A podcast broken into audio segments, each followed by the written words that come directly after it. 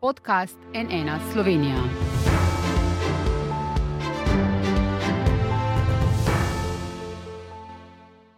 Dobr dan. To je tretje soočenje na NN v okviru uradne volilne kampanje pred rednimi parlamentarnimi volitvami. Tokrat bomo govorili o tem, kaj je v Sloveniji pravično in kaj ne, ter kaj bi v zvezi s tem storile štiri stranke. Z nami so Alenka Bratušek, stranka Alenke Bratušek, Jrnej Vrtovec, Nova Slovenija, Luka Mesec, Levica in Zdravko Počivalšek, konkretno povežemo Slovenijo. Dobrodan vsem, dobrodošli na NN. Dobar dan. Začnimo pa z aktualnim. Na finančni upravi, ki jo vodi Ivan Simico, po poročanju dela prejeli zahtevek Igorja Bavčarja za odpis 2,7 milijona evrov davčnega dolga. Gre za davek, skupaj ga je bilo za 3,5 milijona, ki ga je Furs Bavčarju odmeril leta 2011 zaradi posla pri prodaji 7,3 odstotka delnic Istrabenza iz leta 2007, ko je bila vojna proti tajkunom v času prve Janševe vlade na vrhuncu. V tem poslu je sodeloval tudi Boško Šrot, oba z Bavčarjem sta bila kasneje pravnomočno obsojena in zaprta. Po neuradnih informacijah, to poudarjam, ker Furs pač tekočih konkretnih postopkov ne komentira, je Furs zahtevi za odpis Bavčarjevega davčnega dolga ugodil. In zdaj vas sprašujem, spoštovani gostje, tole, ali verjamete, da je to na ključje? Ivan Simic se je julija lani z Bavčarjem sestal v prostorih Fursa. Na današnje vprašanje naše novinarke, o čem sta se takrat pogovarjala, pa je Simic odgovoril, da o tem citiram: Zakaj je danes sonce in ali bo jutri dež? Konec citata. In da za Bavčarjev zahtevek ni vedel, ker je to v pristojnosti lokalnega davčnega urada. Gospod Mesec. Jaz mislim, da to razkriva pomembno resnico v tej vladi. Ta vlada si poskuša polastiti državo, da bo ta služila ne vsem nam, ampak Janezu Janšu in njegovim prijateljem, med njimi seveda tudi Igor Bavčar. Zdaj, jaz ne verjamem, da tukaj gre za kakšno na ključje. Igor Bavčar je enostavno izkoristil zadnje tedne te vlade, zato da se je znebil 2,7 milijonov evrov dolga, ki ga ima do te države.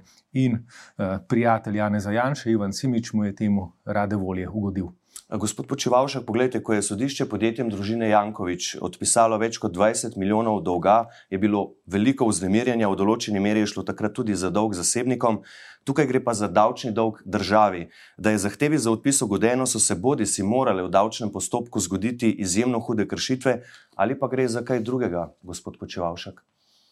Jaz ne morem komentirati zadev, ki jih sam osebno ne poznam. Na eni strani, na drugi strani pa pričakujem, da bodo vsi v Sloveniji, ki so naredili davčni dolg, ta davčni dolg tudi poravnali. Za vse, za vse veljajo enaki vatli. Uh mhm. -huh. Gospod Vrtovec, do leta 2016 je Bavčar dolg zmanjšal na 1,6 milijona evrov, od takrat naprej pa očitno Furs ni izterjal nič več ali pa zelo malo, saj Bavčar kot davčni dolžnik po uradnih podatkih Fursa še vedno dolžan najmanj milijon. Če bi bil v takšnem položaju, recimo neznani mali podjetnik, kaj bi vi rekli Fursu, da od njega v šestih letih ni uspel izterjati dolga? Zdaj, tukaj res govorimo o pravni državi, ne? za katero mora pač veljati enaki vatli.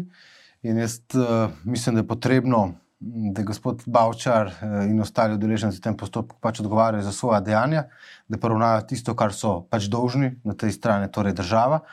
Uh, kot na drugi strani smo enako zahtevali, pa je gospod Mesec pozabil, enako od gospoda Jankoviča, komu je, pač, je bil odpis velikih dolgov. Uh, se pravi, enaki vatli morajo veljati za vse in tudi v dotičnem primeru. Uh, se pravi, je, je prav, ne, da se po, temeljito pojasni, zakaj je do tega prišlo. Kaj ti ne verjamem v ta na ključe, da se kaj tako počes zgodi. Smem repliko.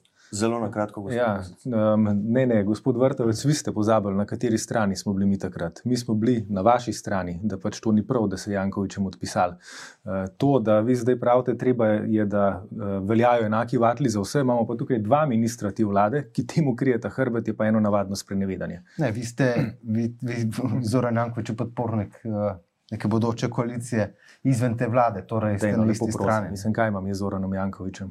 Gospod, gospod Počevalšek, na kratko repliko, potem gremo še naprej. Ministri nismo na čelu davčne uprave. Ponavljam, da pričakujem, da bodo vsi davčni zavezanci enakopravno ali pa enako poravnavali svoje obveznosti in tukaj ne sme biti dobenega vpliva ja. politike. Gospa Bratušek, gospa Bratušek, kaj vi vidite v tej zgodbi? Samo malo. Ne moremo komentirati zadev, ki jih ne poznamo. To pravite, da je bilo ne veste pa tudi sami. Dobro, Vsi morajo plačati svoje davčne obveznosti brez Do, izjeme. dobro, smo razumeli, gospod Bratušek. Kaj vi vidite v tej zgodbi? Je to lahko na ključe? Ne? Pred mesecem niso gospodu Bavčerju odobrili tudi eh, pogojni izpusti iz zapora. Glejte, to je ena točka v dolgi vrsti napak, ki jih dela ta vlada. Ta vlada pravzaprav od samega začetka deli ljudi na prvorazredne na drugorazredne. Za ene zakoni veljajo, za druge zakoni ne veljajo. Je pa gospod Bavčar, bom rekla, sinonim za to, kako v Sloveniji ne bi smelo biti. Ne smemo pozabiti, da je Istra Benz končal na slabi banki, davkoplačevalci so plačali približno 44 milijonov in pol. A, Kljub temu, da je zaprt, tako kot ste prej povedali, ne, je na javni radio televiziji imel intervju, v gradu so ga snemali in a, ne razumem sploh, kako se v naši državi takšne stvari lahko dogajajo. Na finančni upravi um, se strinjam s povedanim, gre za sprenevedanje, ker to ni edina stvar, tudi ne na davčni upravi, ki se je zgodila. Res je vprašanje zdaj, ali to drži ali ne drži, ampak izhajamo iz dejstva, da drži. In lahko komentiramo, kaj je, če to drži. In odpisati davčni dolg v višini 2 milijona 700, na drugi strani pa kaznovati družino, ki je rogliček med uh, COVID uh, epidemijo z 400 evri kazni, to je to, kar ljudi boli. Da nismo vsi enaki in pod to vlado res nismo vsi enaki pred zakoni, nažalost. To, da vlada deli ljudi na prvo pa drugo kategorijo, je laž. Mi smo s svojimi dejanji dokazali, da smo pomagali ljudem, podjetjem in zaposlenim. In to kažejo tudi rezultati. Dobro, bomo In videli. eni dobijo kazen zato, ker jejo sendvič, drugi grejo pa na večerjo v prostor z 200, z 200 timi ljudmi, pa se nič ne zgodi. Čeprav pravila veljajo za vse. Nekateri pa imajo pis dolgov, kar počes. Ne? Kaj smo bili priča dve leti nazaj? To Pod pa bo to Zoran. Jankovič. ne? Pod to Ja, vlado. Ampak govorimo o tem, da morajo veljati v državi. Tako da moramo imeti enaki vatli za vse. Če želimo imeti pravno državo, moramo biti najprej zapriseženi temu. V primeru Bavčarja enako, v primeru Jankoviča No, tudi enako. En, eno stvar je pa vseeno treba povedati. Ne? Gospod Bavčar, kot jaz vem, je še vedno v zaporu. Tega Gospod. Jank, kako ne? Gospod Bavčar je še vedno o- obsojen, eh, ne, tudi politik mogoče. No? Politik, ki je obsojen zaradi eh, gospodarskega kriminala in še vedno v zaporu. Problem je to, ker ga še Tega- drugi ni obsojen, pa bi mogel biti. ne. Nekdanji Ja, če politik, to vi pravite, jaz mislim, da v tem v Sloveniji odločajo sodišča. Ne? Ja, glejte, ko, se, ko govorimo, da morajo veljati enaki vatle za vse, je treba začeti pri sebi. Ne, mi smo rekli, Jankovič mora plačati uh, svoj davčni dolg, in zdaj govorimo, Bavčar mora plačati svoj davčni dolg. Vidva sta pa Jankoviča potegnila na ven, zato da bi uprala Bavčarja. In Ne, to je ključna Bavčar razlika med plačati- nami in vami. Ne, ne, Bavčar mora plačati, to, mora plačati. Jaz sem plačati. Ja, mislim, Za Jankovića ampak tega enako, ne narediš, ko da rečeš, kaj pa Jankovič. No, lepo prosim. Pač zahtevajte lepo, da se tukaj začne upoštevati pravila. Dobro, vsi se strinjate. Vsi se strinjate, da je pač morajo pravila enako veljati za vse, da morajo vsi svoje dolgove plačati, in bomo videli, kako se bo ta zgodba razvijala. Gremo naprej. Prosim, Gremo zdaj. Samo en stavek. Jaz nisem izvzel gospoda Jankoviča. Še enkrat vztrajam na tem, da veljajo enaki vatli za vse. Smo razumeli, gremo naprej. Gospod Počivalšek, bova, bova midva nadaljevala. Gospod Počivalšek, ko ste marca v odsotnosti premijeja Janše vodili sejo vlade, ste preprečili, da bi vlada obravnavala Umarjevo napoved gospodarske rasti, ker da ta ni dovolj upoštevala učinkov investicij.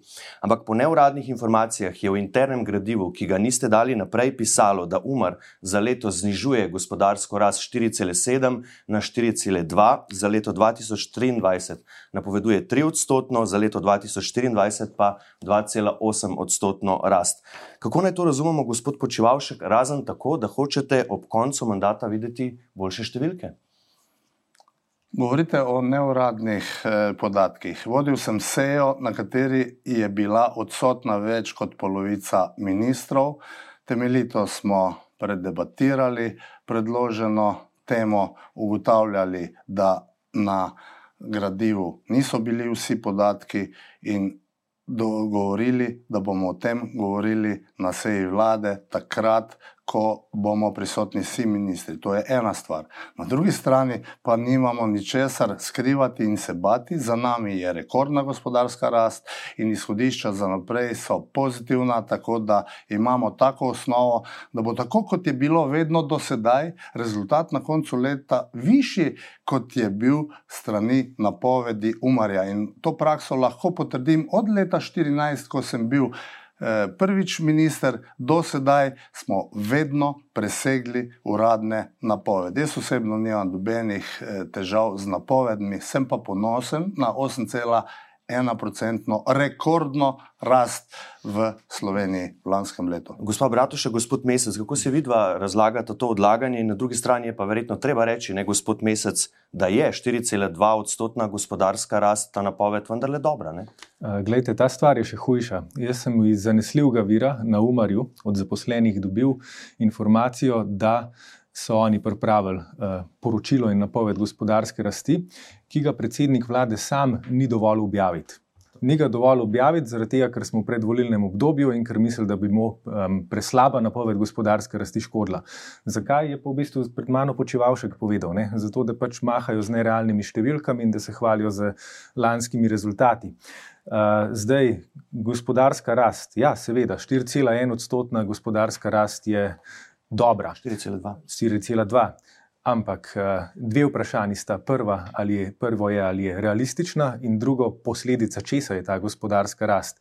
Ne pozabite, mi imamo še zmeraj proračun, ki bo letos ustvaril dvo in pol milijardni primankljaj. Umar in pravi, da je ta napoved zelo, zelo realistična. Zelo realistična, Seveda. ni nobenih razlogov za kakršne koli popravke, pri tem ustrajajo, večkrat so nam ja. na to vprašanje tako odgovorili. Ne, če smem samo zaključiti svojo poanto, gledajte, bistvena razlika je, ali država v enem letu, država kot država, proračun zapravi 10 milijard ali jih zapravi 12,5. Dobro, to se seveda pozna v tem, kakšen je na koncu pač gospodarski sistem. Dovolimo, gospod Bratušek, še. Ja. Glejte, uh, javnofinančno tako neodgovorne vlade, kot jo imamo te dve leti, še nismo imeli. Res je, 8,1 odstotkov uh, rast gospodarstva v preteklem letu je dobro in mi smo veseli tega.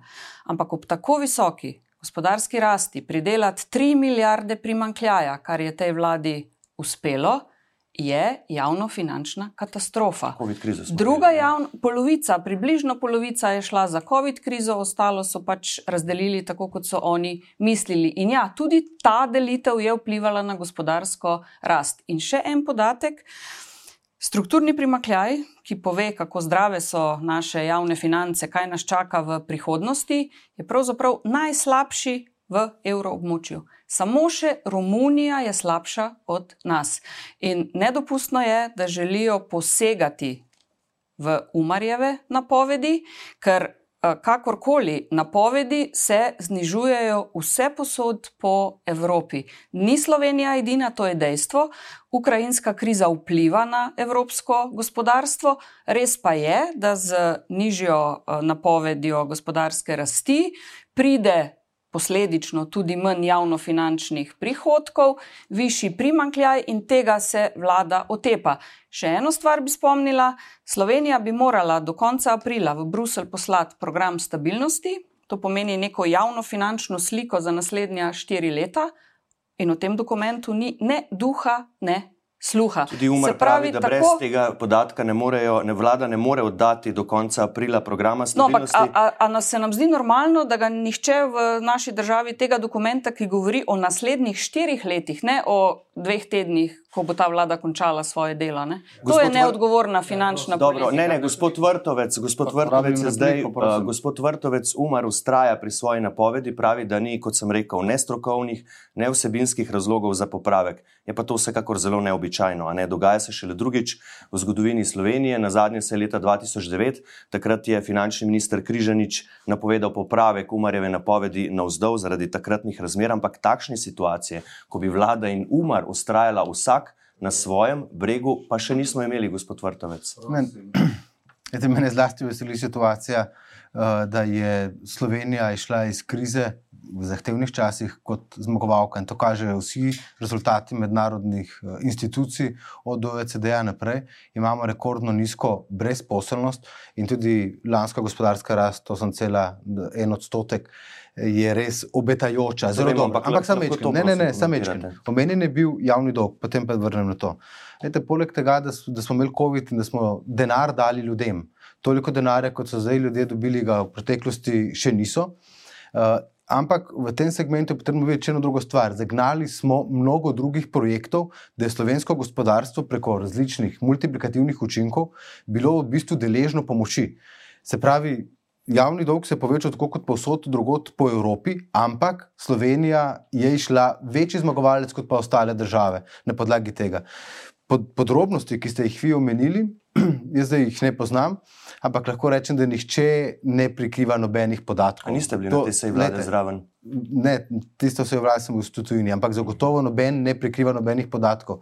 Jaz sem prepričan v to in tudi gospodarska rast se pač posod po Evropi pač sedaj umirja, uh, to so dejstva, ampak v Sloveniji še vedno uh, vsi obeti kažejo, da bo na zelo visoki ravni. Dobro, gospod Počevalšek. Glede, kolegica Bratošek, to, da želimo spremenjati napoved Umarja, je laž. Preprosta laž. Vodil sem sejo, na kateri smo sprejeli odločitev, da bomo točko dokončali, ko bodo prisotni vsi ministri. To je ena plat resnice. Drugi, druga plat je, da je napoved, ki je strani Umarja predlagana 4,2, ravno tako dovolj visoka, pričakujemo pa, da bomo vsi ministri upravili poglobljeno diskusijo na to temo. Tukaj moram pa dodati še enkrat, da ko je kolegica Alenka predajala vlado Miru Cerarju, smo bili zadolženi 82,6% na 38 milijard bruto družbenega produkta. Danes, na koncu lanskega leta, imamo bruto družbeni produkt 52 milijard in zadolženost 74%. Rekordna, ko je predajala vlado, vmes je bila zadolženost že pod 70%. Na koncu mandata dr. Mira Cerarja, v tem trenutku, kot sem povedal, je 74. Mi bomo z lahkoto vrnili ta dolg, zato ker je bil vložen v podjetja in ljudi, ne pa takrat, kot je kolegica vodila vlado, zato da si je nekdo kupoval mesto komisarja. Uh, samo la, lahko boste, jaz, samo eno pripombo bi jaz tu imel, pravite, ne, da bo vlada to zaključila, to seznanjanje s to napovedjo. Mi smo takrat dobili odgovor od vlade, gospod Počevalšek, da se bo to zgodilo potem naslednji četrtek, pa se ni, samo pojasnilo gledalcem. Dveh vlad, dveh vlad, zato ker ni bilo ja. predsednika ja. vlade ja. in tudi jutri ne bo, oziroma četrtek, uh mhm. -huh. se je vlada v živo zaradi odsotnosti. Dobro, gospod. Po volitvah bodo uh, se seznanili mhm. -huh. s tem, kar štiri številke pač bodo takšne, kot bodo. Dobro, Samo gospod, še to, jaz o, jaz o dolgu sicer nisem govorila, ampak prav je, da kakšno rečemo tudi ampak o tem. Ampak dajmo še gospodu Mesu. Samo no, to, to moramo govoriti. No, številka, o kateri govori gospod Počivalšek, je številka Cerarjeve vlade, ko je bil on minister za gospodarstvo iz leta 2015. Do danes bi to lahko že uh, vedel. Druga stvar, druga stvar, zakaj se je v tistih časih bilo treba zadolžiti, bi ravno tako moral vedeti ministr za gospodarstvo.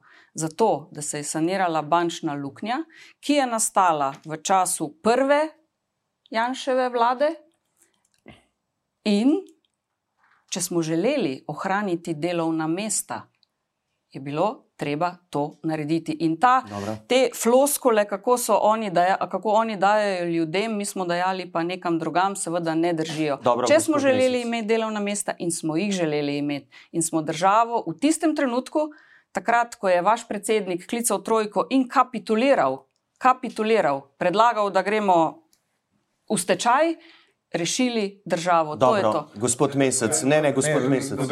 Zelo ni nikoli klical uh, trojke. Dovolite, gospodu ja. Mesecu. Um, glejte, zdaj kot prvo, um, treba se vprašati, se komu zdi normalno, da vlada licitira z umarjem, kakšno gospodarsko rast bo za letos napovedal. Mislim, to kaže samo še enkrat, kako pač si vlada poskuša podrediti dobesedno vse inštitucije. Pač v zadnji instanci bodo sodišča odločala to, kar bo vlada hotla tja gremo. Ne, drugič, ko se pogovarjamo o gospodarski rasti lani, 8,1 odstotek je odboj po krizi. Mi smo imeli ogromen padec v letu 2020, ker smo gospodarstvo v karanteni zaprli. V 2021 smo ga odprli in pol seveda pač glede na prejšnje leto takšna rast. Ampak to je tako, kot sem enkrat rekel, govoriti temu rasti, tako da bi jaz zdaj le počepnil, pa še enkrat vstal in rekel, da sem zrastel. In tretjič, s kakšnimi ekonomskimi analfabeti imamo upravka, je pa pravkar uh, gospod Počevalšek povedal, ko je rekel, mi bomo ta dolg brez problema vrnili. 40 milijard dolga ne bi Slovenija vrnila. Mislim pa lepo vas prosim, poznate kakšno državo v zgodovini, ki je to naredila? Jaz poznam eno, Čevšesko je Romunija, ki je dobesedno racionalizirala količino jajc in moke, ki jih lahko človek uh, na dan poje, zato da so v desetih letih dolg poravnali. Ne bomo tega dolga vrnili, ta dolg bo pač ste nam nažalost nakopali, kar lahko delamo, je samo, da ga naredimo obladljivega. Vlada ni naredila 40 milijard dolga, govorim o zadolžitvi za to, da smo sanirali krizo. Cenim ja, gospoda Mesta zato, ker skozi drži svojo linijo, ampak bi si želel, da bi kdaj v življenju ustvaril vsaj en evro dodane vrednosti v realnem sektorju, ja. ne pa da govori vedno samo o delitvah. Spoštujem vas zaradi vaše linije. Gospod Ampak treba je nekaj narediti, pol pa lahko delite. Na kratko pa greva mi potem naprej. Čudno so te stvari, ko levica, ker naenkrat je za njo problem dolg. Uh, ampak, um, lejte, potrebno je vedeti, zakaj se je ta, zakaj se ta vlada pač zadolžila. Zakaj se je ta vlada zadolžila, potrebno je vedeti. Zaradi tega, da smo išli iz krize, COVID krize kot zmagovalci. In smo išli, noben kazalec v nobeni državi ne kaže tako dobro, kot kaže nam, s to gospodarsko rastjo, z nizko brezposobnostjo. In poleg tega pa z mnogimi drugimi multiplikativnimi učinki, ki smo jih naredili na celotno slovensko gospodarstvo. Dej, vi si predstavljate, da je bilo tiste, ko ste vi rekli, da se ne gremo več te vlade, tako enostavno. Ampak gospodarstvo ni klecnilo, gospodarstvo se je v COVID krizi borilo, ustvarilo dano vrednost s pomočjo države, da smo pomagali s turističnimi boni, da smo pomagali zaposlenim posameznikom. In Dobro. to je bilo res, ne, ne, ne to, to je zelo pomembno, tega, ker se pavš, dajo pavšalne ocene, da se je vlada zadolžila za bombončke. Ne, zadolžila se je in dala denar ljudem, za razliko od tega, da jih nismo dali tajkunom. Mogoče pa vas to boli. Ja, finančni minister je rekel, da ne gre za bombončke, ampak za bombonjere. Uh, je, pa dejstvo, je pa dejstvo, da ljudje. To je on rekel, ne finančni ja. minister. Je pa dejstvo, da ljudje bolj kot gospodarsko rast čutijo podražitve. Ne? Tole so zdaj številke, videli bomo, uh, od marca lani do marca letos se je hrana podražila za skoraj 7 odstotkov, prav tako ste, sta se podražila dizel, benzin za približno 30 odstotkov, zemljski plin za 31 odstotkov in toplotna energija, s katero se ogreva veliko gospodinstvo, za skoraj 52 odstotkov. Še podatek, da so se podražile tudi gostinske storitve za 7 odstotkov. Se je pa zaradi intervencije države začasno znižala cena elektrike in sicer po podatkih v primerjavi z lani za, 30, za slabih 30 odstotkov. Ljudje so danes, gospod minister eh, Vrtovec, eh, začeli dobivati energetske voucherje v višini 150 eh, oziroma 200 evrov, ki jih lahko porabijo za karkoli. To je bil vaš ukrep za blažitev višjih cen. Ampak gospod Vrtovec, direktor Elesa Aleksandr Marvar je bil v soboto za dnevnik zelo jasen. Naslednjo zimo pri elektriki prihaja šok. Pravi, stroški končnega uporabnika bodo višji za 25 do 70 odstotkov. Vi ste resorni minister, bodite prosim zelo jasni, ali se morajo ljudje za prihodnjo zimo pripraviti tudi na precej više položnice za elektriko, ali pa boste tudi to preprečili in če kako. Prav je, da država pomaga. Na sistemski ravni, tudi dolgoročno, mi smo kratkoročno cene elektrike zajezili na račun določenih prispevkov, omrežnine in tako dalje. Moram pa povedati, da tukaj ni problem samo za Slovenijo, ampak da je vse evropski problem. Cene elektrike na vzgor poganja cene zemljskega plina. Morate pa vedeti, da mi imamo za izračun cene elektrike na borzi eno posebno formulo, ki jo je sprejela Evropska komisija. In ključen element te formule, da grejo cene elektrike gor, je cena plina. In na evropski ravni Sedaj poteka razprava med energetskimi ministri, pa tudi med predsedniki vlad, ravno to, da se ta, ta formula spremeni in da ne bo več plin ključen faktor pri izračunu cene električne energije. Če pa bodo te cene šle naprej, potem pač, ali bo to ta ista vlada, ki bo šla naprej, uh, pač sprejela ukrepe za blažitve teh cen in pomagala ljudem. Tako kot smo pomagali zdaj z nižjimi ceni, ne samo elektrike, ampak tudi pogonskih goriv. Ne, tudi, eh, ne, ne tega pozabi, da se v Sloveniji tanka. Eh, mnogo bolj poceni kot pa v sosednjih državah, eh, in eh, za ceno elektrike, pa tudi za energetskim voucherjem. Splošna diskusija, ampak to lahko na naslednjem vprašanju, izven elektrike pa je plin. Kaj ti za elektriko ni tak problem, kot je problem plin. Ampak- Pri, plinu pa, pri plinu pa veste, da je ogrevanje, je gospodarstvo, so še vsi ostali sistemi. Uh, in to ne gre spremeniti čez noč. Pri elektriki lahko država lažje blaži posledice. Ampak vi iščete zdaj alternativne vire. Ne? Katar, Alžirija, na Hrvaškem ste bili na Krku. Pa lahko zdaj tukaj voljivcem in podjetjem, gospod minister, poveste, ali bodo in za koliko bodo njihove položnice za plin zaradi tega više, ker pač Slovenija ne bi, ne bo več kupovala sicer najcenejšega ruskega plina. Če vprašate največjega brokera na svetu, kakšna bo cena plina čez 14 dni, vam ne bo dal odgovora. Dobro, Ampak ne- moram pa to, ne, zato ker tukaj se, tukaj se dogaja to. ne. Glejte, imamo borzo in tako plin. Kot cena elektrike se oblikuje na borzah. In ni država tista, ki dobavlja, ampak so tukaj dobavitelji. V Sloveniji imamo, naprimer, Geoplin, Adria Plin, pa druge velike sisteme. Ampak pozor, odpiramo pa tem podjetjem vrata, da bi, če bi pride do embarga, če pride do karkoli In prav je, da pride do diverzifikacije virov, odpiramo tem podjetjem vrata v Alžiriji, v Katarju, in na zadnje smo bili na Hrvaškem. Dobro. Torej, imamo odprte poti, da naredimo diverzifikacijo strani uh, ruskega plina. Nimate pa še tega odgovora, gospod Bratošek. Vi ste edini, ki ste v preteklosti, maja 2013, zvišali DDV. Zakaj zdaj ne predlagate znižanja DDV-ja na vse, ne samo za energente, kar ste predlagali v državnem zboru? Glejte, najprej se bom navezala na to, kar je eh, govoril minister. Pred enim tednom je na eni televiziji rekel, da če bodo oni na vladi, bo elektrika in plin tako poceni ali pa tako draga, kot je danes, vsekakor ne dražja. Zdaj je v enem tednu ugotovil, da pač vpliva na ceno, eh, kot eh, minister nima. Drugo, ta vlada, ko poslušaš, je zaslužna za vse, kriva pa za nič, kar je slabega. Pa če mi lahko odgovorite na Leta vprašanje? 2013 smo se odločili začasno dvigniti DDV, ker je to v tisti javnofinančni situaciji, ki smo jo dobili, to je tik pred bankrotom, bil najučinkovitejši in najhitrejši ukrep. Vlada Mira Cerarja s gospodom Počivalškom kot gospodarskim ministrom se je odločila, da ne gre koraka nazaj.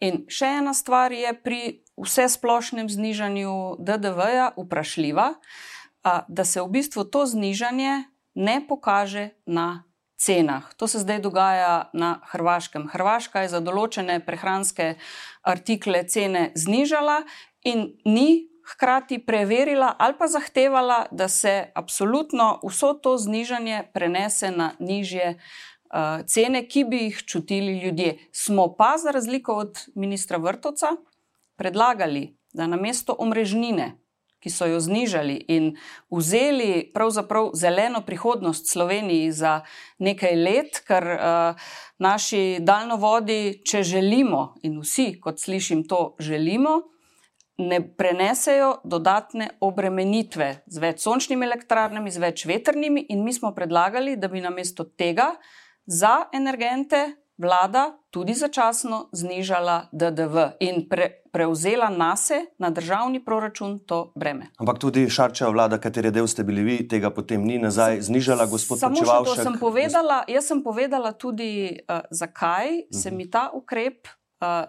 ne zdi smiselen. Ampak Dobro. vsi so še to, tudi Nova Slovenija in SDS je obljubljal znižanje DDV-ja, ki ga seveda Dobro. potem ni uveljavil. Nihče ni tega naredil, gospod Počivalšek. Zaslužili, zaslužni skupaj z podjetji, gospodarstveniki za odlično stanje našega gospodarstva. In nismo odgovorni za slabe rezultate, ker jih ni. Zaslužni smo skupaj z njimi za dobre.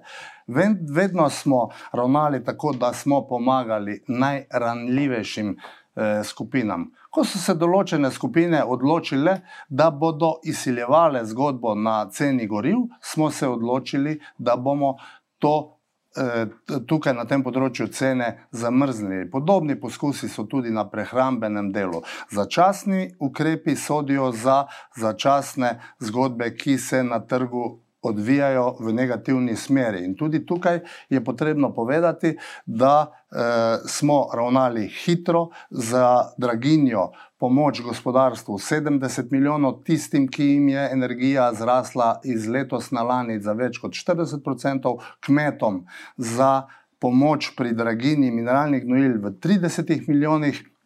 In 700 tisoč prebivalcem, to, kar je govoril kolega Vrtovec, pomagamo skozi eh, draginski eh, voucher. To vemo, In še ena stvar. Eh, Potrebno je povedati, da smo znižali položnice vsaj za tri mesece, začasno, To za to, da povedali. se. Ja, to je pomembna zadeva, ki vpliva na to, da je na nek način eh, budžet, proračun vsake družine nižji. Dobro, gospod Mesec, glede na razmere podražitve je treba reagirati tudi hitro. Poglejte, recimo to izjavo Izidorja Krivca iz celskih mesnin za NN, takole pravi: citiram: Že s tem mesecem cene mesa in mesnih izdelkov dvigujemo za okoli 30 odstotkov, višja cena osnovne surovine, prašičjega mesa, ki pri nas predstavlja 70 odstotkov končne cene, dražji energenti, embalaža, repromaterial, vse to je šlo gor. Eh, Ta dvig cen je minimum, da zagotovimo vzdržno poslovanje. Konec citata. Gospod Mesec, bi v teh razmerah celo vi podprli izdajo še kakšnih voucherjev ljudem ali pa naj ta eh, bremena, ki ostajajo, nosijo sami? Ja, gledajte, jaz bom najprej povedal, da za razliko od gospoda Počivalška, jaz nimam lista pred sabo, s katerega bi recitiral, v čem vse sem najboljši, pa če vam tukaj blok. To je katerega si kaj zapišem, če vprašanje. kdo kaj pomenljivega pove. In tako, jaz mislim, da moramo se vrniti eh, k tem, da poskušajmo pač govoriti resnico. Resnica je, da se je Evropa zaradi ukrajinske vojne znašla v energetski krizi, brez ruskih energentov imamo težavo. In odgovora na to trenutno nima ne slovenska vlada, ne uh, evropske vlade. To je odgovor na moje vprašanje. Morda. Imam. Eh, Mi bomo pa naredili vse, ko bomo v vladi, da ljudje zaradi teh podražitev ne bodo trpeli. Bodi si s subvencijami, bodi si zniževanjem trošarin, bodi si s tem, da se, ampak na sistematičen način, ne z razdeljevanjem kuponov v naši volilni bazi, ampak na sistematičen Sistemski način. ukrepi trajajo, ne, mi rabimo zdaj dvignejo, rešitve, ne? seveda, ampak vse so jasni, ne, kdo je ogrožen. Najbolj so ogroženi uh, revni upokojenci, najbolj so ogroženi prekarci, najbolj so ogroženi slabo plačani, najbolj so ogroženi ljudje na socialnih pomočih.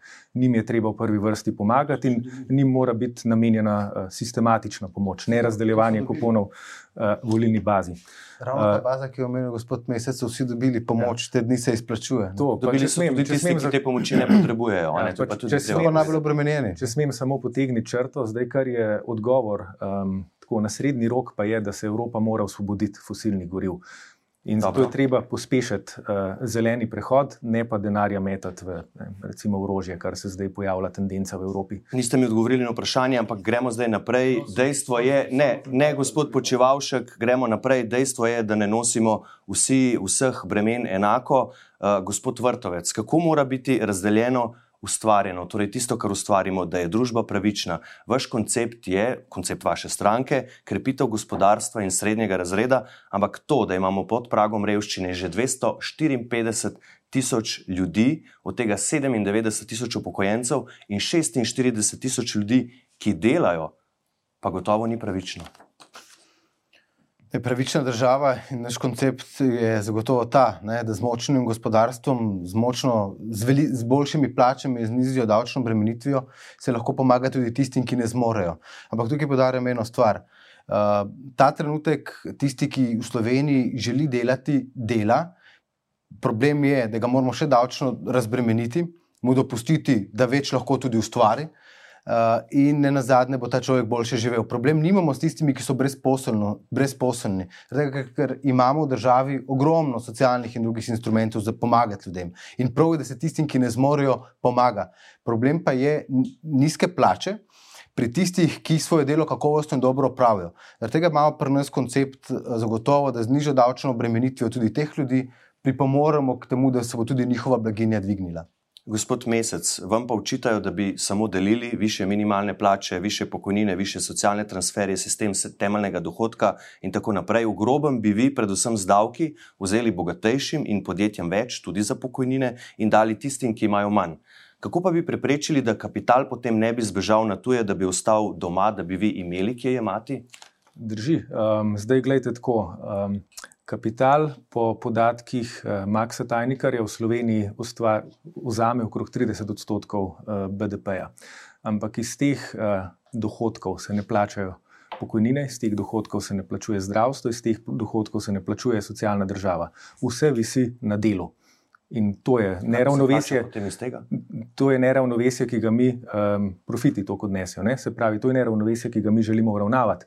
In drugo, um, kar bi mi želeli v slovenskem gospodarstvu narediti, je, da bomo v naslednjem mandatu um, uvedli spodbude, da se zaposlene začne vključevati v lastništvo. Uh, dobrih praks imamo, kar hočete, od Devisofta, trbovalsko visokotehnološko podjetje, ki je to pravkar naredil, domela v mojih rodnih železnikih. Um, v Ameriki je približno desetina. 10 odstotkov privatnega gospodarstva v lasti delavskih skladov, um, ki so pač v zadružni lasti, in izkušnje kažejo, da se ljudje, ki delajo v teh podjetjih, upokojijo s tem, da imajo na koncu delovne dobe desetkrat več lastnine, kot tisti, ki delajo v primerljivih, recimo, tem običajnih kapitalističnih podjetjih. Je pa levica. Skratka, treba je poiskati ekonomsko alternativo eh, temu neoliberalizmu, ki ga imamo, in nove odgovorne lastnike ali pa so lastnike slovenskih podjetij, in to so zaposleni. Nim je najbolj v interesu dolgoročni razvoj družb, in obstajajo številni primeri dobre prakse, pa da me ne bo zdaj kdo tukaj za jezik ulekel. V nobeni nacionalizaciji ne govorim.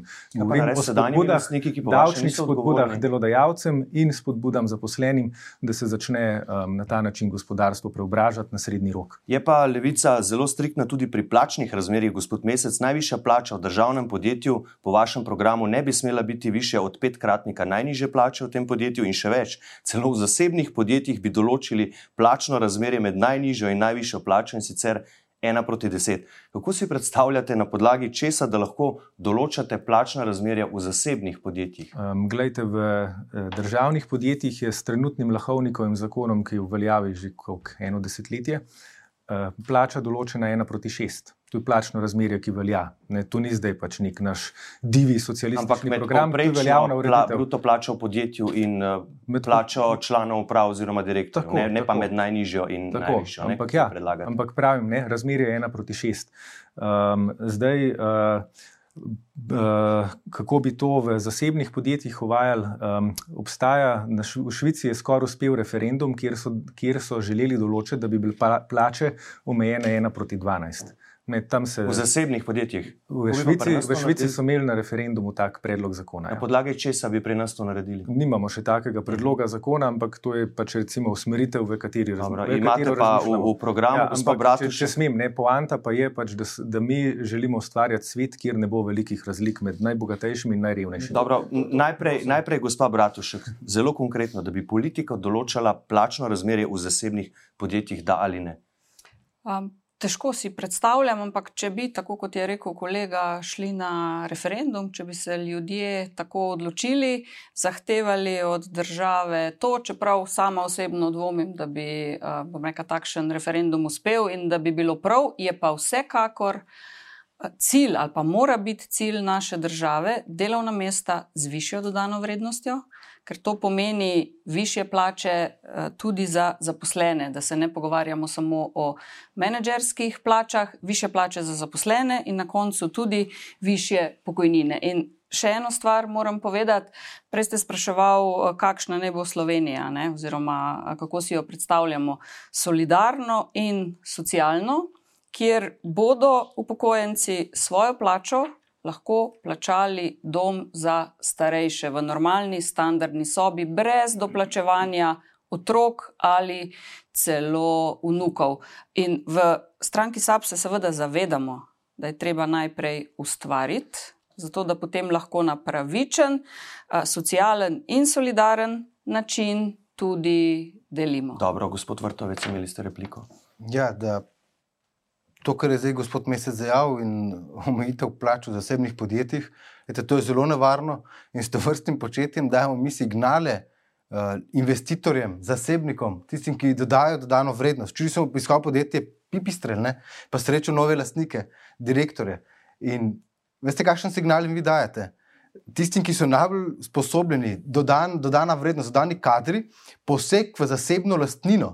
V zasebno lastnino je to, po mojem mnenju, nisem pravnik, ampak pr protiustaven poseg, prekomeren poseg. In to je poleg obdavčitve, poleg obdavčitve nepremičnin, uh, kar je predlog uh, levice, je to še en velik udarc zasebnikom, zasebnim podjetjem. In jaz si ne predstavljam, kdo bo še vlagal v tako državo, če politiki, ki tekmujejo, kdo bo v vladi, gospodarski ministri in tako naprej, dajo takšne napovedi. To je, to je zelo nevarno početje. Gospod Počevalšek se je že prej javil. Se je že prej javil. Replika na tole. Glejte, gospod Vrtavec, po slovenski ustavi je zasebna lastnina omejena svojo gospodarsko, gospodarsko, okoljsko in socialno funkcijo. Na to se vse čas pozablja.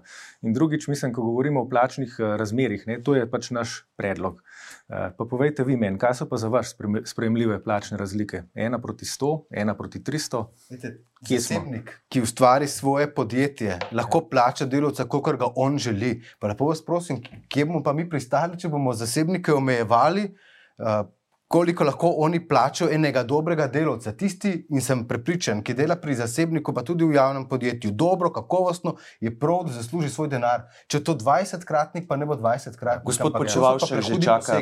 Dovolite, gospod Mesec. Hm. Verjamem, da s takimi nebulozami ne bomo iz Slovenije znali Šeškov, Akrapovičev in ostalih podjetnikov. Najboljša socialna država je uspešno gospodarstvo in naloga vsake vlade je, da omogoča razvoj gospodarstva. In tukaj se končno strinjava s kolegico Lenko, da je potrebno najprej ustvariti, da potem lahko delimo. In verjamem, da je to edini korak, ki omogoča to, da bomo vsi skupaj bolje živeli. Mi v gibanju Povežimo Slovenijo zagovarjamo tri stebre in sicer stebr gospodarstva, socialne države, se pravi vse, kar je dobrega za ljudi in pa za naravo. In to je temelj vseh teh načrtov, ki jih mislimo realizirati v prihodnje. No, uh, ja, bi, pa, bi pa uh, vlada morala znati urejati vsaj plače v javnem sektorju. Mislim, da je včeraj dobila ne vem koliko že zaušnic iz uh, ustavnega sodišča, ker niti tega niti plač v javnem sektorju ne zna urediti. Ustavno sodišče je tej vladi pravilno, seveda, ker imamo enotni plačni sistem, razveljavilo darilo, ki so ga želeli dati najbogatejšim in naj, lahko tudi najboljšim, ampak s tistim, ki že danes imajo veliko zdravnikov. Na mesto, da se lotite reševanja problemov plač, medicinskih sester, plačne skupine J, ki je najslabše plačana uh, v državi, vi želite zdravnikom dvigniti za 24 odstotkov plače, in ste dobili zaušnico tega istega ustavnega sodišča, ki ste ga prej umenili. Skratka, protiustavno ste želeli posegati v sistem plač v javnem sektorju in povezano s tem novi vladi nakopali gromozanske probleme. Gromozanske probleme, milijardo in pol, približno pomeni, če bi, tako kot ste si vi zamislili, dvignili plače uh, vsem. Tako da, ko govorimo o ustavnih pravicah, mislim, da je ta vlada zadnja zadnja, ki lahko komorkoli karkoli učita, ker toliko razveljavitev, kot ste jih bili deležni vi v teh dveh letih. Ni bilo vlade dobro, v zgodovini. Dobro, na kratko, gospod Počeval, še replika. Delamo v izrednih razmerah, moramo vleči hitre in ustrezne korake, s katerimi omogočamo, da sistem deluje. Želeli smo onemogočiti odhod mladih kadrov, mi bomo morali najti sistemsko rešitev, ampak v teh nujnih zadevah je bilo marsikdaj potrebno sprejeti kako odločitev, s katero smo želeli reagirati hitro. Seveda pa obstaja vprašanje sistemskih rešitev za bolj normalna obdobja, ko bomo vsi skupaj sodelovali in našli rešitve, ki bodo pripeljali do tega, da bodo vsi umski potencijali v Sloveniji ostali. Ampak ste vi enkrat rekli, gospod Počevalšek, citiram: Kdor ne dela, naj ne je. To si še vedno mislite, ali boste na tem mestu to izjavo vzeli nazaj? Lete, tu ste manipulirali, ta izjava ima začetek, svoj konec, namerno eh, zavajate. Povedal sem citat, ki mi ga je povedal dr. Verčič, da smo mi generacija, ki smo zrasli v času, ko je veljalo to pravilo. Zdaj, če ga manipulirate. To je, to je pregovor, ki je veljal toliko in toliko let nazaj in je povedal, da moraš najprej ustvariti, potem pa lahko deliš. In tukaj želim povedati še eno zadevo. Da je naš osnovni program v tem, da želimo ljudem dati ribiške palce, da si sami ulovijo ribe, s tem, ko ustvarjamo pogoje za gospodarstvo. Gospodje iz uh, levice bi pa te ribe delili, sam ne vejo še, kako bi jih dobili. In to vas sprašujem tudi zato, ker Nina Bellinger, ki jo boste eh, spoznali zdaj, kdaj dela, kdaj pa tudi ne. Uh, namreč je turistična vodička, je prekarka, njen mož je redno zaposlen učitelj, ima ta leto in pol starega otroka, družina živi v najetem stanovanju ko je sezona dobra, ne zaslužim slabo, pravi, ko je slaba ali pa po zimi, pa prihodki drastično padajo. In poglejmo, kaj vam sporoča.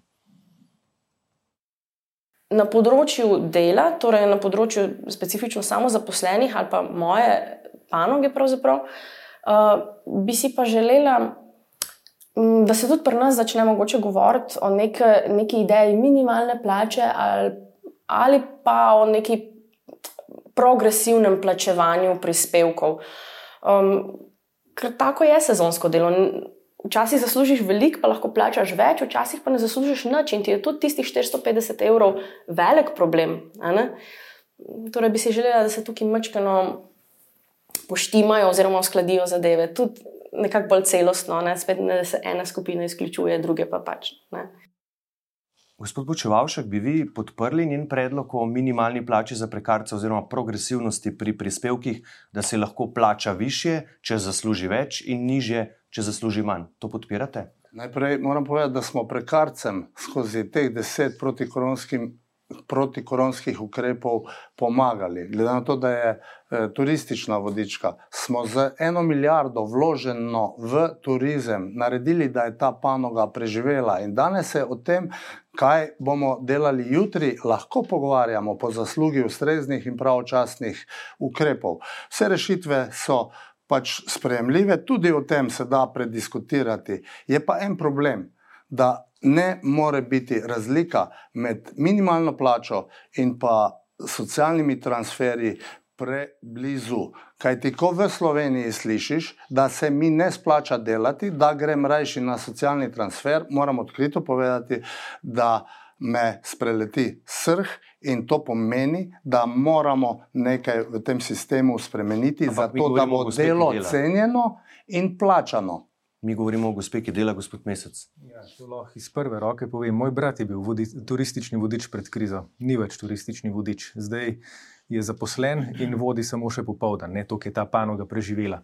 Uh, drugič, um, če se vrnem na prejšnjo temo, gledajte. Ne, ne, na to, kar sem vas vprašal, ja. če bi podprli idejo, ki smo jo slišali od gospodine, glede progresivnosti uh, prispe, plačevanja prispevkov in nekakšne minimalne plače za prekarce. To sem vas vprašal. Ja, seveda, bi se bili pripravljeni o tem pogovarjati. Prekarcem je treba zrihtati minimalno socialno zaščito, predvsem pa. Um, začeti se pogovarjati o tem, kako prekarno zmanjševati. Mi imamo trenutno na trgu dela skoraj četrtino ljudi, ki so v takšnih ali drugačnih prekarnih oblikah zaposlitve, kar je problem za njih, ne, ker mi imamo kelnarce vem, na, na SP-jih. To pomeni, da nimajo bolniške, nimajo dopusta, lahko jih odpustijo naslednji dan, nimajo minimalne urne postavke, prepuščene so sami sebi, delajo pa za enega delodajalca. Ja, izpolnjujejo vse elemente delovnega razmerja. Ja, in drugič, če smem sam zaključiti, ne, problem je to tudi za državo, ker um, zaposleni, 750 tisoč zaposlenih na glavo, plačajo približno trikrat toliko prispevkov za pokojnine, zdravstvo in ostalo, kot plačajo ti, ki so potisnjeni v prekarne položaje. Tudi zato je treba, če hočemo rešiti pokojninsko in zdravstveno blagajno, začeti prekarnost odpravljati. Gospod Vrtovec, vi prosim, če mi čisto kratko repliko. Gre za to, da smo danes v situaciji, ko se delavce išče z lupo. Dobene potrebe ni po prekarnosti, zato ker se lahko vsi zaposlijo. To je najboljša zgodba, ki jo lahko realiziramo. Druga stvar pa je, če želi nekdo biti zaposlen ali ne. Če želi, naj se mu to omogoči, ampak če pa to od njega zahteva delodajalec, pa druga stvar, gospa ali pa pričakuje, a ne eh, gospod Vrtovec, prosim. Ravno to, kar je gospod Počevalšek del. Kamorkoli gremo na teren in pravijo delodajalci, mi potrebujemo delavce, res jih potrebujejo. Uh, in recimo davki, visoka obdavčitev je eden izmed argumentov, da se tudi, pa tudi prispevčenje, da se tudi potem posamezniki, zlasti pa to me žalosti, mladi odločijo, da bodo odprli SP, pa vstopili se pravi v to obliko zaposlitve pri nekomu. Tukaj se je v preteklosti sami podprli to, kar je gospa predlagala. Določene stvari na temo prekarnosti je potrebno reševati, absolutno, kaj ti trdim.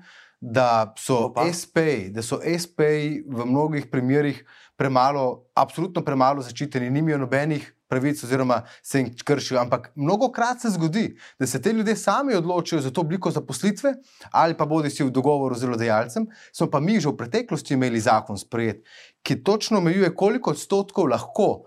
Določen SP dela samo za eno podjetje, samo za enega delodajalca. In to imamo, koliko računov, v kolikšnih odstotkih lahko te račune izda. Ne na zadnje, tudi v novinarstvu, gospod Orešnik, ki je ogromen SP-ov, upam, da jih je vedno Ampak več. na NN smo se vsi zaposleni, gospod Pohvalno. Vrtovec, eh, gospa Bratušek, za prekarne delavce bodo velik problem tudi pokojnine, ne, ker si Absolutno. plačujejo minimalne prispevke, ogromno, ne, Absolutno. tudi če zaslužijo kaj več. In tega problema ste se zagotovo že leta 2013, ko ste vodili vlado, zavedali tudi vi, zakaj ga niste rešili. Glejte, v letu in pol ali pa v slabih uh, dveh letih pravzaprav se ni dalo rešiti vseh težav, ki jih je Slovenija takrat imela in ki smo jih dobili na hrbet. Takrat smo naredili eno veliko delo, to je sami rešili finančne težave, Dobro, ne z trojko. Lahko pogledate, koliko prekarnih delavcev je v Grčiji, ki je zaprosila za pomoč. Znižale so se pokojnine, znižale so se plače javnih uslužbencev, v Sloveniji na srečo ne. Še več. Vrnili prekarni. smo, vi ste omenili eh, leto Da. 2013, vrnili smo pokojnine, ki jih je druga Janševa vlada za 25 odstotkov znižala upokojencem. Kar se tiče prekarnosti, bi vlada morala takoj, vsaj v državni oziroma javni upravi, to prekarnost ukiniti, da ne rečem prepovedati. Čistilni servisi, varnostne službe in še bi lahko naštevala. Se pravi, to je prvi korak. Uh, drugi korak pa, uh, absolutno se bo treba pogovarjati, vedeti moramo, tako kot je bilo že povedano, nekateri želijo biti zaposleni na tak način in tem seveda moramo to uh, omogočiti. Drugim je treba pa začeti stvari reševati in pomagati, in pred kratkim smo prav za te uh, samostojne zaposlene. Na naš predlog stranka SAP je vložila zakon, mogoče mehen korak, ampak je znižali um, obveznosti, če morajo na bolniško, iz 30 delovnih dni je prej padlo to na njih na 20 delovnih dni. Še vedno lahko verjamem, da je tudi 20 dni problem, ampak smo šli v pravo smer. In vsekakor je prekarnost tudi zaradi pokojnin v Dobro. a, prihodnosti, ki ste jih omenili, zelo, zelo jasno bo treba to stvar nasloviti in reševati. Dobro, gospod Bratušek, še en kratek rok replik. Eh, Gospod Mesec, želeli ste besedo? Ja, želel sem to reči, da tukaj treba biti zelo previden pri tem, kar je gospod Vrtovc govoril. Ne, češ bomo zmanjšali prispevčenje um, plač. Glejte, iz prispevkov se plačuje zdravstvo, ki je pri nas podfinancirano. Imamo četrtino slabš uh, financirano zdravstvo iz BDP-ja kot Avstrija. Iz prispevkov se priču, plačujejo pokojnine, ki so podfinancirane. Mi imamo približno 10 odstotkov BDP-ja za pokojnine, bi Avstrija ga ima prispevke še dvignili, 13,3. ne. Vi bi prispevke delodajalcev dvignili z če, jih- če jih znižamo, 8,85 če jih znižamo, 15, se je treba vprašati, kakšne pokojnine bo ta država imela in kakšno zdravstvo bo ta država imela. Pač dejstvo je, da če znižujemo davke na plače, bodo pokojnine slabše, zdravstvo bo slabše in ljudje bodo vse to morali plačevati iz žepa. Bodi si zdravstvo plačevati iz žepa, bodi si vrčevati za pokojnino iz žepa. Dobro, gospod Vrtovec. In s tem ne bodo nič dobili. Ne, to ni res glede davkov, ampak gospod Mesec, treba je ločiti, kaj so prispevki, kaj so pa davki pri sami plači. In ne govorimo, rekel sem to, da se določeni posamezniki zaradi tega, ker nočejo biti zaposleni, odločijo, da bodo bili preko SP-ja. Žal sebi v škodo na svojo bodočnost, recimo na pokojnino, kar je bilo že rečeno. No. To sem želel povedati. In bistveno pa je, seveda, Ampak marsikdo tem- tudi nima se izbire, a ne? da se tem Bistveno je, bistveno je fleksibilno. Vprašanje je, se odloči ona, se lahko odloči delodajalec. Pomembno je, pomemben je fleksibilen trg dela ne? in mi ga moramo postaviti, da je ta fleksibilen. Da so pa davki visoki v Sloveniji, je, to je pa dejstvo. ne, In to, in, in to bremeni tudi potem same delodajalce. Dobro, na kratko, zelo, Krat- gospod. kratka Ne, ne, ne, vi, ja. gospod Počevalšek, še čakate. Pozdravljam to, kar je povedala kolegica Lenka, znižanje. To, kar smo sprejeli, bolniškega staleža na breme delodajalca na 20 dni, to je en korak v pravi smeri. V vsakem primeru je pa danes situacija taka, da ni problema za zaposlitev. Zato je ta problem prekarnosti drastično drugačen, kot je bil leta 2014-2015, ko smo imeli 140 tisoč brezposelnih. Gospod Počivalšek zelo dobro pozna turistično panogo in ve, da nihče ne bo zaposlil turističnega vodnika ali vodnice, če ima posel samo polovico leta. Se pravi, to je panoga, kjer je sezonski značaj in bo Dobro. stvari urejati tudi uh, drugače, kot reči, samo vse te bojo zaposlili, Dobro. ker v tem trenutku ni delovne Dobro. sile. Eh, Kadri iščejo z lupo. No, Nina Bellinger še ustraja, si pa svojega stanovanja z možem trenutno ne more kupiti. Ne? In ravno pri tem, koliko nepremičnin ima kdo, se v Sloveniji najbolj kaže dohodkovna neenakost. Vsi se strinjate, da je treba nekaj narediti, eh, ker je ena cela generacija mladih tukaj zelo na udaru, se pa zelo razlikujete v pogledih, kako. Med Levico in Novo Slovenijo se je vnel hud spopad, gospod Mesec, vi ste vložili zakon, s katerim bi dobili denar za gradnjo novih stanovanj, ampak tako, da bi obdavčili vsa stanovanja in hiše nad 120 kvadratnimi metri, kasneje ste to mejo dvignili na 160 kvadratnih metrov, še bolj bi obdavčili tudi vsa prazna stanovanja in tista, ki se oddajajo v najem. Nova Slovenija je to označila kot napad na podeželje, zato ker nekdo, ki v Ljubljani živi v denimo 350 tisoč evrov vrednem stanovanju, ki ni večje od 160 kvadratnih metrov, ne bi plačal nič davka. Ne? Nekdo, ki živi v hiši na podeželju, večji, eh, večji od 160 kvadratnih metrov, v vrednosti recimo 200 tisoč evrov, pa bi plačal 91 evrov davka uh, na leto. Zdaj, kot rečeno, to je naš osnutek zakona, naš predlog zakona, ki je predmet razprave. Naš namen nikakor ni obdavčiti uh, uh, podeželskih hiš. Ne? Če boste brali naslov in namen zakona, to ni zakon o obdavčenju podeželja. Ampak to bi se To je zgodilo. ne? zakon o obdavčenju praznih stanovanj in tistih, ki so si stanovanja um, nagrabili, ki jih Tist- imajo po ne, ne, 50, tisti, ki so 50. večje od 160 kvadratnih metrov, gospod Mesec. Tako je zdaj določeno v zakonu. Ne? Se pravi, za Ampak to tiste, ki imajo hiše na podeželju. govorimo o bivalnih površinah. Ne? In uh, v, v ta, zakon smo, ta zakon smo poskušali napisati tako, da nihče, ki trenutno živi v lastni nepremičnini in davka ne plačuje, ga ne bi tudi ponovno. Targetiran pa je na prazna stanovanja in na tiste, ki so si stanovanja uh, nakupičili. In to je Ampak namen potem, kar ste predlagali, ne bi obdavčili tistega, ki ima manj. Ker nekdo, ki si je odgovarjam. kupil hišo na Glejte- podeželju, ima manjše prihodke od tistega, ki si je kupil stanovanje za 350 tisoč evrov v Ljubljani, je pa manjše od 160 Razumem, kvadratov. razumem. in- Zdaj nas vlečete za jezik, ampak jaz vam razlagam, kaj je namen tega zakona. Kar se, vložili. kar se nas tiče, ja, seveda, ampak to niti v prvo obravnavo še ni prišlo. Ne? Kar se nas tiče, se lahko ta kvadratura tudi zamenja z vrednostjo nepremičnine. Pa rečemo, ne vem, do 300 tisoč evrov pač stanovanja, pa hiše niso obdavčene. Dobro, torej tu priznavate to zmoto. Uh, uh, Mislim, govorim to, da naš namen je povs- povsem druge.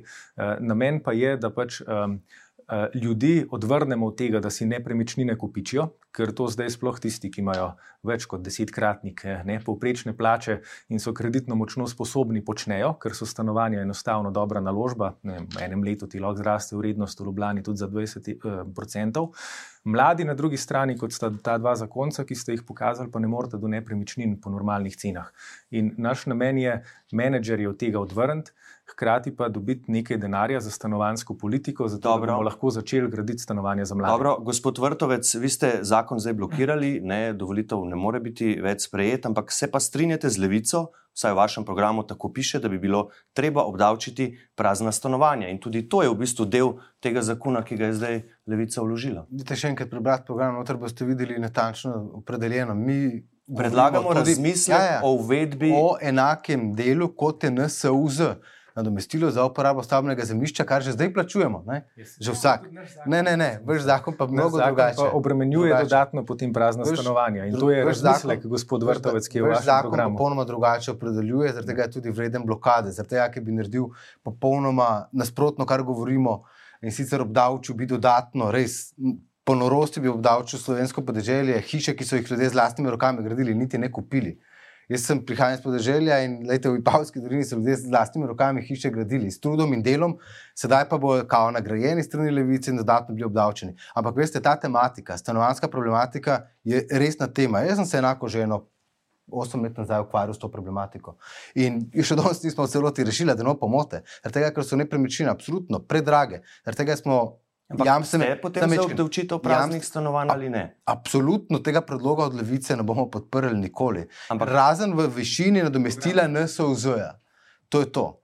V, v višini nadomestila NSZ. Ampak, gospod Mesec, boste vi ta zakon uh, še enkrat uložili, boste ustrajali z njim po volitvah, ne s temi istimi številkami, med, kjer, med katerimi je tudi to, da bi za prazno stanovanje v Ljubljani, veliko 120 km2, vredno 350 tisočakov, lastnik plačal več kot 5800 evrov davka letno. Seveda, tega lastnika želimo prepričati, da stanovanje odda. Uh -huh, uh -huh. Tako visokim davkom. Lejte, um, jaz poznam bloke, um, moj dober prijatelj, ki ima podjetje na Trdinovi, mi je povedal, da je pod njegovo firmo dobesedno celo nadstropje prazno, ker je nekdo to kupil in čaka, da se mu vrednost nepremičnine veča. In te ljudi enostavno treba pripraviti do tega, da stanovanje oddajo, ker naš namen je znižati cene na trgu. Mi ne bi pa imeli, tako zdaj pravijo statistični podatki, pa jaz jih ne bi vzel um, kot suho zlato, da imamo po Sloveniji 175 tisoč praznih nepremičnin. Ne? In to debato smo hoteli sprožiti. Kaj narediti, kako aktivirati ta prazen stanovanski fond, da bodo lahko mladi prišli do stanovanj. Gospod Bratušek, vi ste z Levico skupaj v Kulu, eh, SAP bi v parlamentu ta zakon o obdavčitvi nepremičnin podprl? Te ideje? Mi smo kolegom eh, iz Levice povedali, da nepremičninski davek nikakor ni naša prioriteta. Če o kakšni stvari se bomo pogovarjali, je to obdavčitev praznih uh, stanovanj, ampak mi se bolj zauzemamo za to, da država, da država uh, zagotovi več neprofitnih najemnih stanovanj, stanovanski sklad naj gradi stanovanja za najem. In še ena stvar, treba je omejiti tudi tržne najemnine. In da ne bo, da, da ne bo sta kolega skočila name enako kot ali pa podobno kot imajo narejeno v Nemčiji in v Avstriji. Ne more ena kletna sobica, ki jo uporabljajo ali pa najamejo študenti, stati 500 evrov ali pa še več eh, po možnosti. Skratka, ne želim zdaj licitirati Dobre, s številkami, okay. ampak neko normalno najemnino za določeno kategorijo stanovanja. To so odlično uredili tako v Avstriji kot v Nemčiji in tudi Slovenija mora to urediti. In še ena stvar, to je ta poroštvena jamstvena schema za mlade. Po nadaljevanju, če dovolite, okay. bomo o tem Prav. zagotovo spregovorili. Gospod Počevalše, kakšen je pravičen nepremičninski davek po vaše? Ali je tiste, ki imajo več nepremičnin, treba bolj obdavčiti, kot tiste, ki imajo samo eno in v njej živijo? Najprej mi dovolite, da kljub vsemu nekaj besed povem o tem, kar ste govorili sedaj. Jaz in mi v Povežimo Slovenijo ne zagovarjamo tega predloga zakona, kot ga je pripravila eh, Levica, kajti stanovanja za mlade po celi Sloveniji so pogoj za enakomeren razvoj.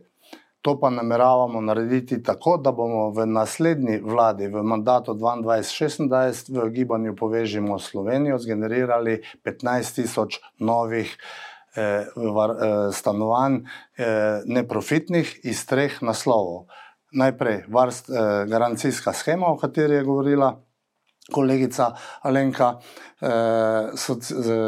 stanovanjski sklad, en del Eh, javno-zasebno partnerstvo, en del, in tretji model, ki ga je razvil naš kandidat Marko Matajurc kot župan občine Kobarit, ki je kot občina zagotovil parcele za gradnjo mladim družinam v višini velikosti 700 km2, popolnoma komunalno opremljene, proda mladim družinam. Seveda pa je za vse to potrebno imeti garancijsko schemo, ki je temelj za to, da pridemo do teh 15 tisoč uh, stanovanj. Kaj pa to, kar sem vas jaz vprašal?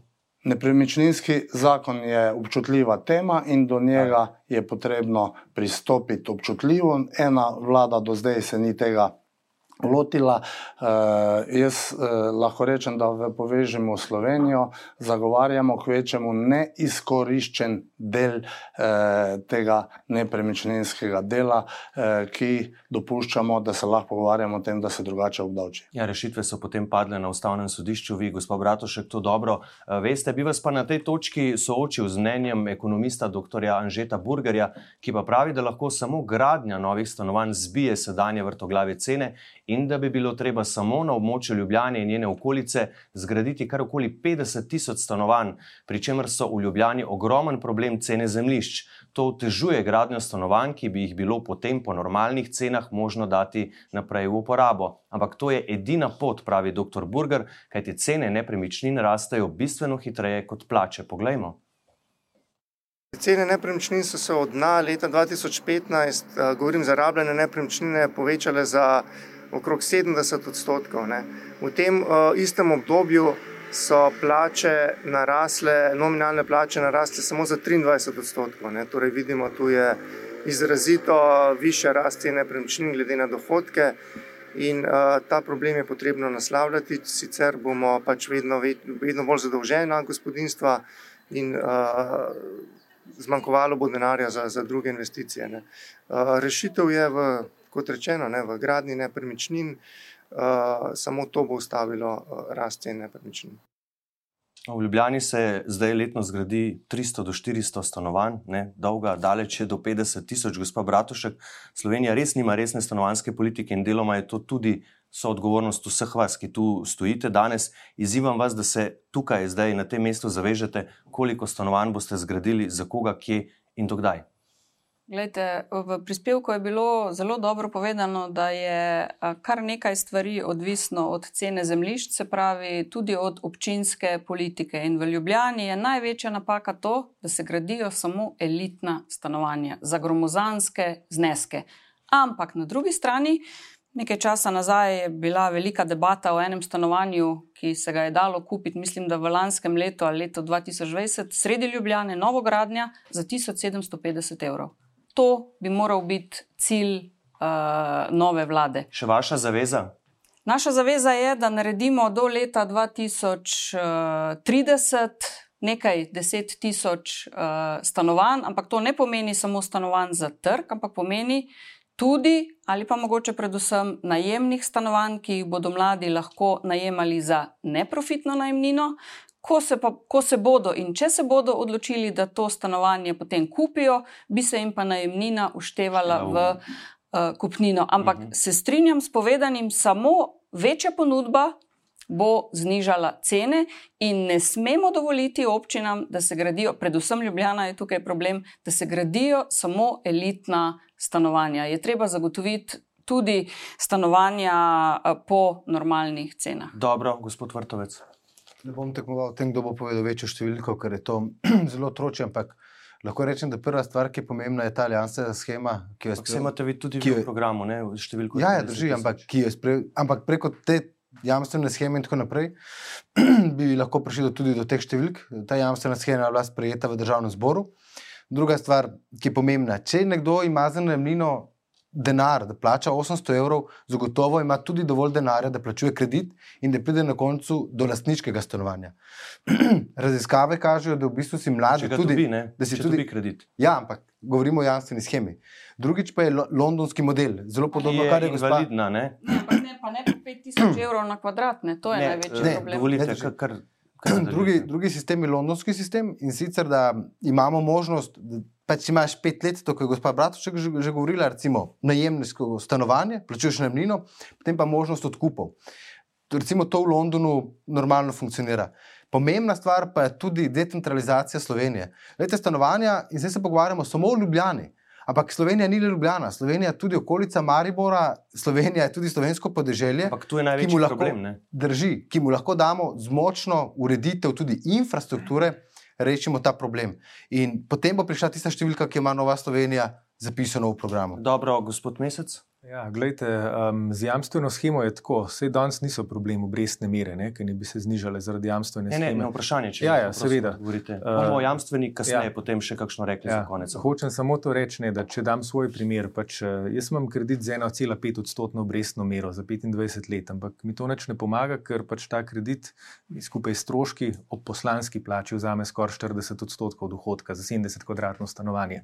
Problem so cene in cene lahko zbijamo samo z večjo ponudbo. Tako da pač naš plan je gradna 30 tisoč javnih najemnih stanovanj iz mešanih virov, nekaj iz davkov, nekaj iz proračuna, nekaj iz državno obveznico za slovenske vrčevalce na bankah. Drugo je, da želimo z davkom aktivirati prazna stanovanja, teh naj bi bilo 175 tisoč, predvsem mestna središča tukaj targetiramo, kot sem prej povedal. Um, in tretje je, ja, seveda, treba je um, omogočiti gradno in prepričati občine, da ne gradijo več samo luksuznih stanovanj, kot vidimo zadnja leta po Ljubljani. Dobro, gospod Počevalšek. Nova stanovanja po vsej Sloveniji. Problem lahko rešimo tako, da povsod po Sloveniji zagotovimo mladim dobro plačana delovna mesta, možnost upravljanja karijere in ustvarjanje družine. Pogoj za to je prvi korak v tej smeri, naprej pa 15 tisoč, kot sem že povedal, novih eh, stanovanj, ki so neprofitna iz teh treh naslovov. Več stanovanj pomeni nižje cene. Če tega sistemsko ne uredimo za enakomerno porazporeditev po celi Sloveniji, potem se bodo vsi slovenke in slovenci v desetih letih preselili v štiri do pet mest.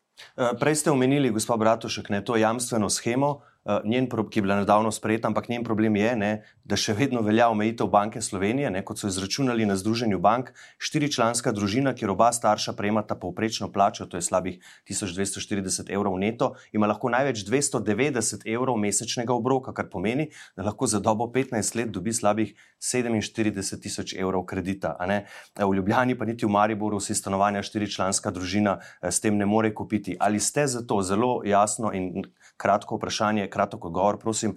Ali ste za to, da Banka Slovenija, ki je sicer avtonomna institucija, odpravi te omejitve, ali niste, ker smo včasih ekonomske nagotovosti in bi bilo nevarno, če bi se ljudje preveč zakreditirali, gospod Brat? V tem primeru ne bi bilo hude nevarnosti, ker država jamči za kredit, uh mhm. -huh. ki bi ga mladi najeli. Tako da poznam mnenje, poznam mnenje Banke Slovenije v javni dolg bi šlo, oziroma bo šlo, če pride do unovčenja tega uh mhm, posojila. In to gre v zelo mehkih odstotkih, v glavnem. Tako da jaz mislim, da bo tako tudi naprej ostalo, to, tako da, da se je treba tukaj z Banko Slovenije pogovarjati, slišati. Uh mhm. Smo pa mi.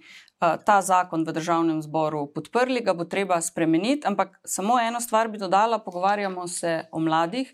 Jaz bi dodala, da tudi starejši upokojenci imajo probleme. Treba bo zagotoviti več varovanih stanovanj in treba bo zagotoviti uh, pogoje bivanja, naprimer bloki, ki so brez dvigal.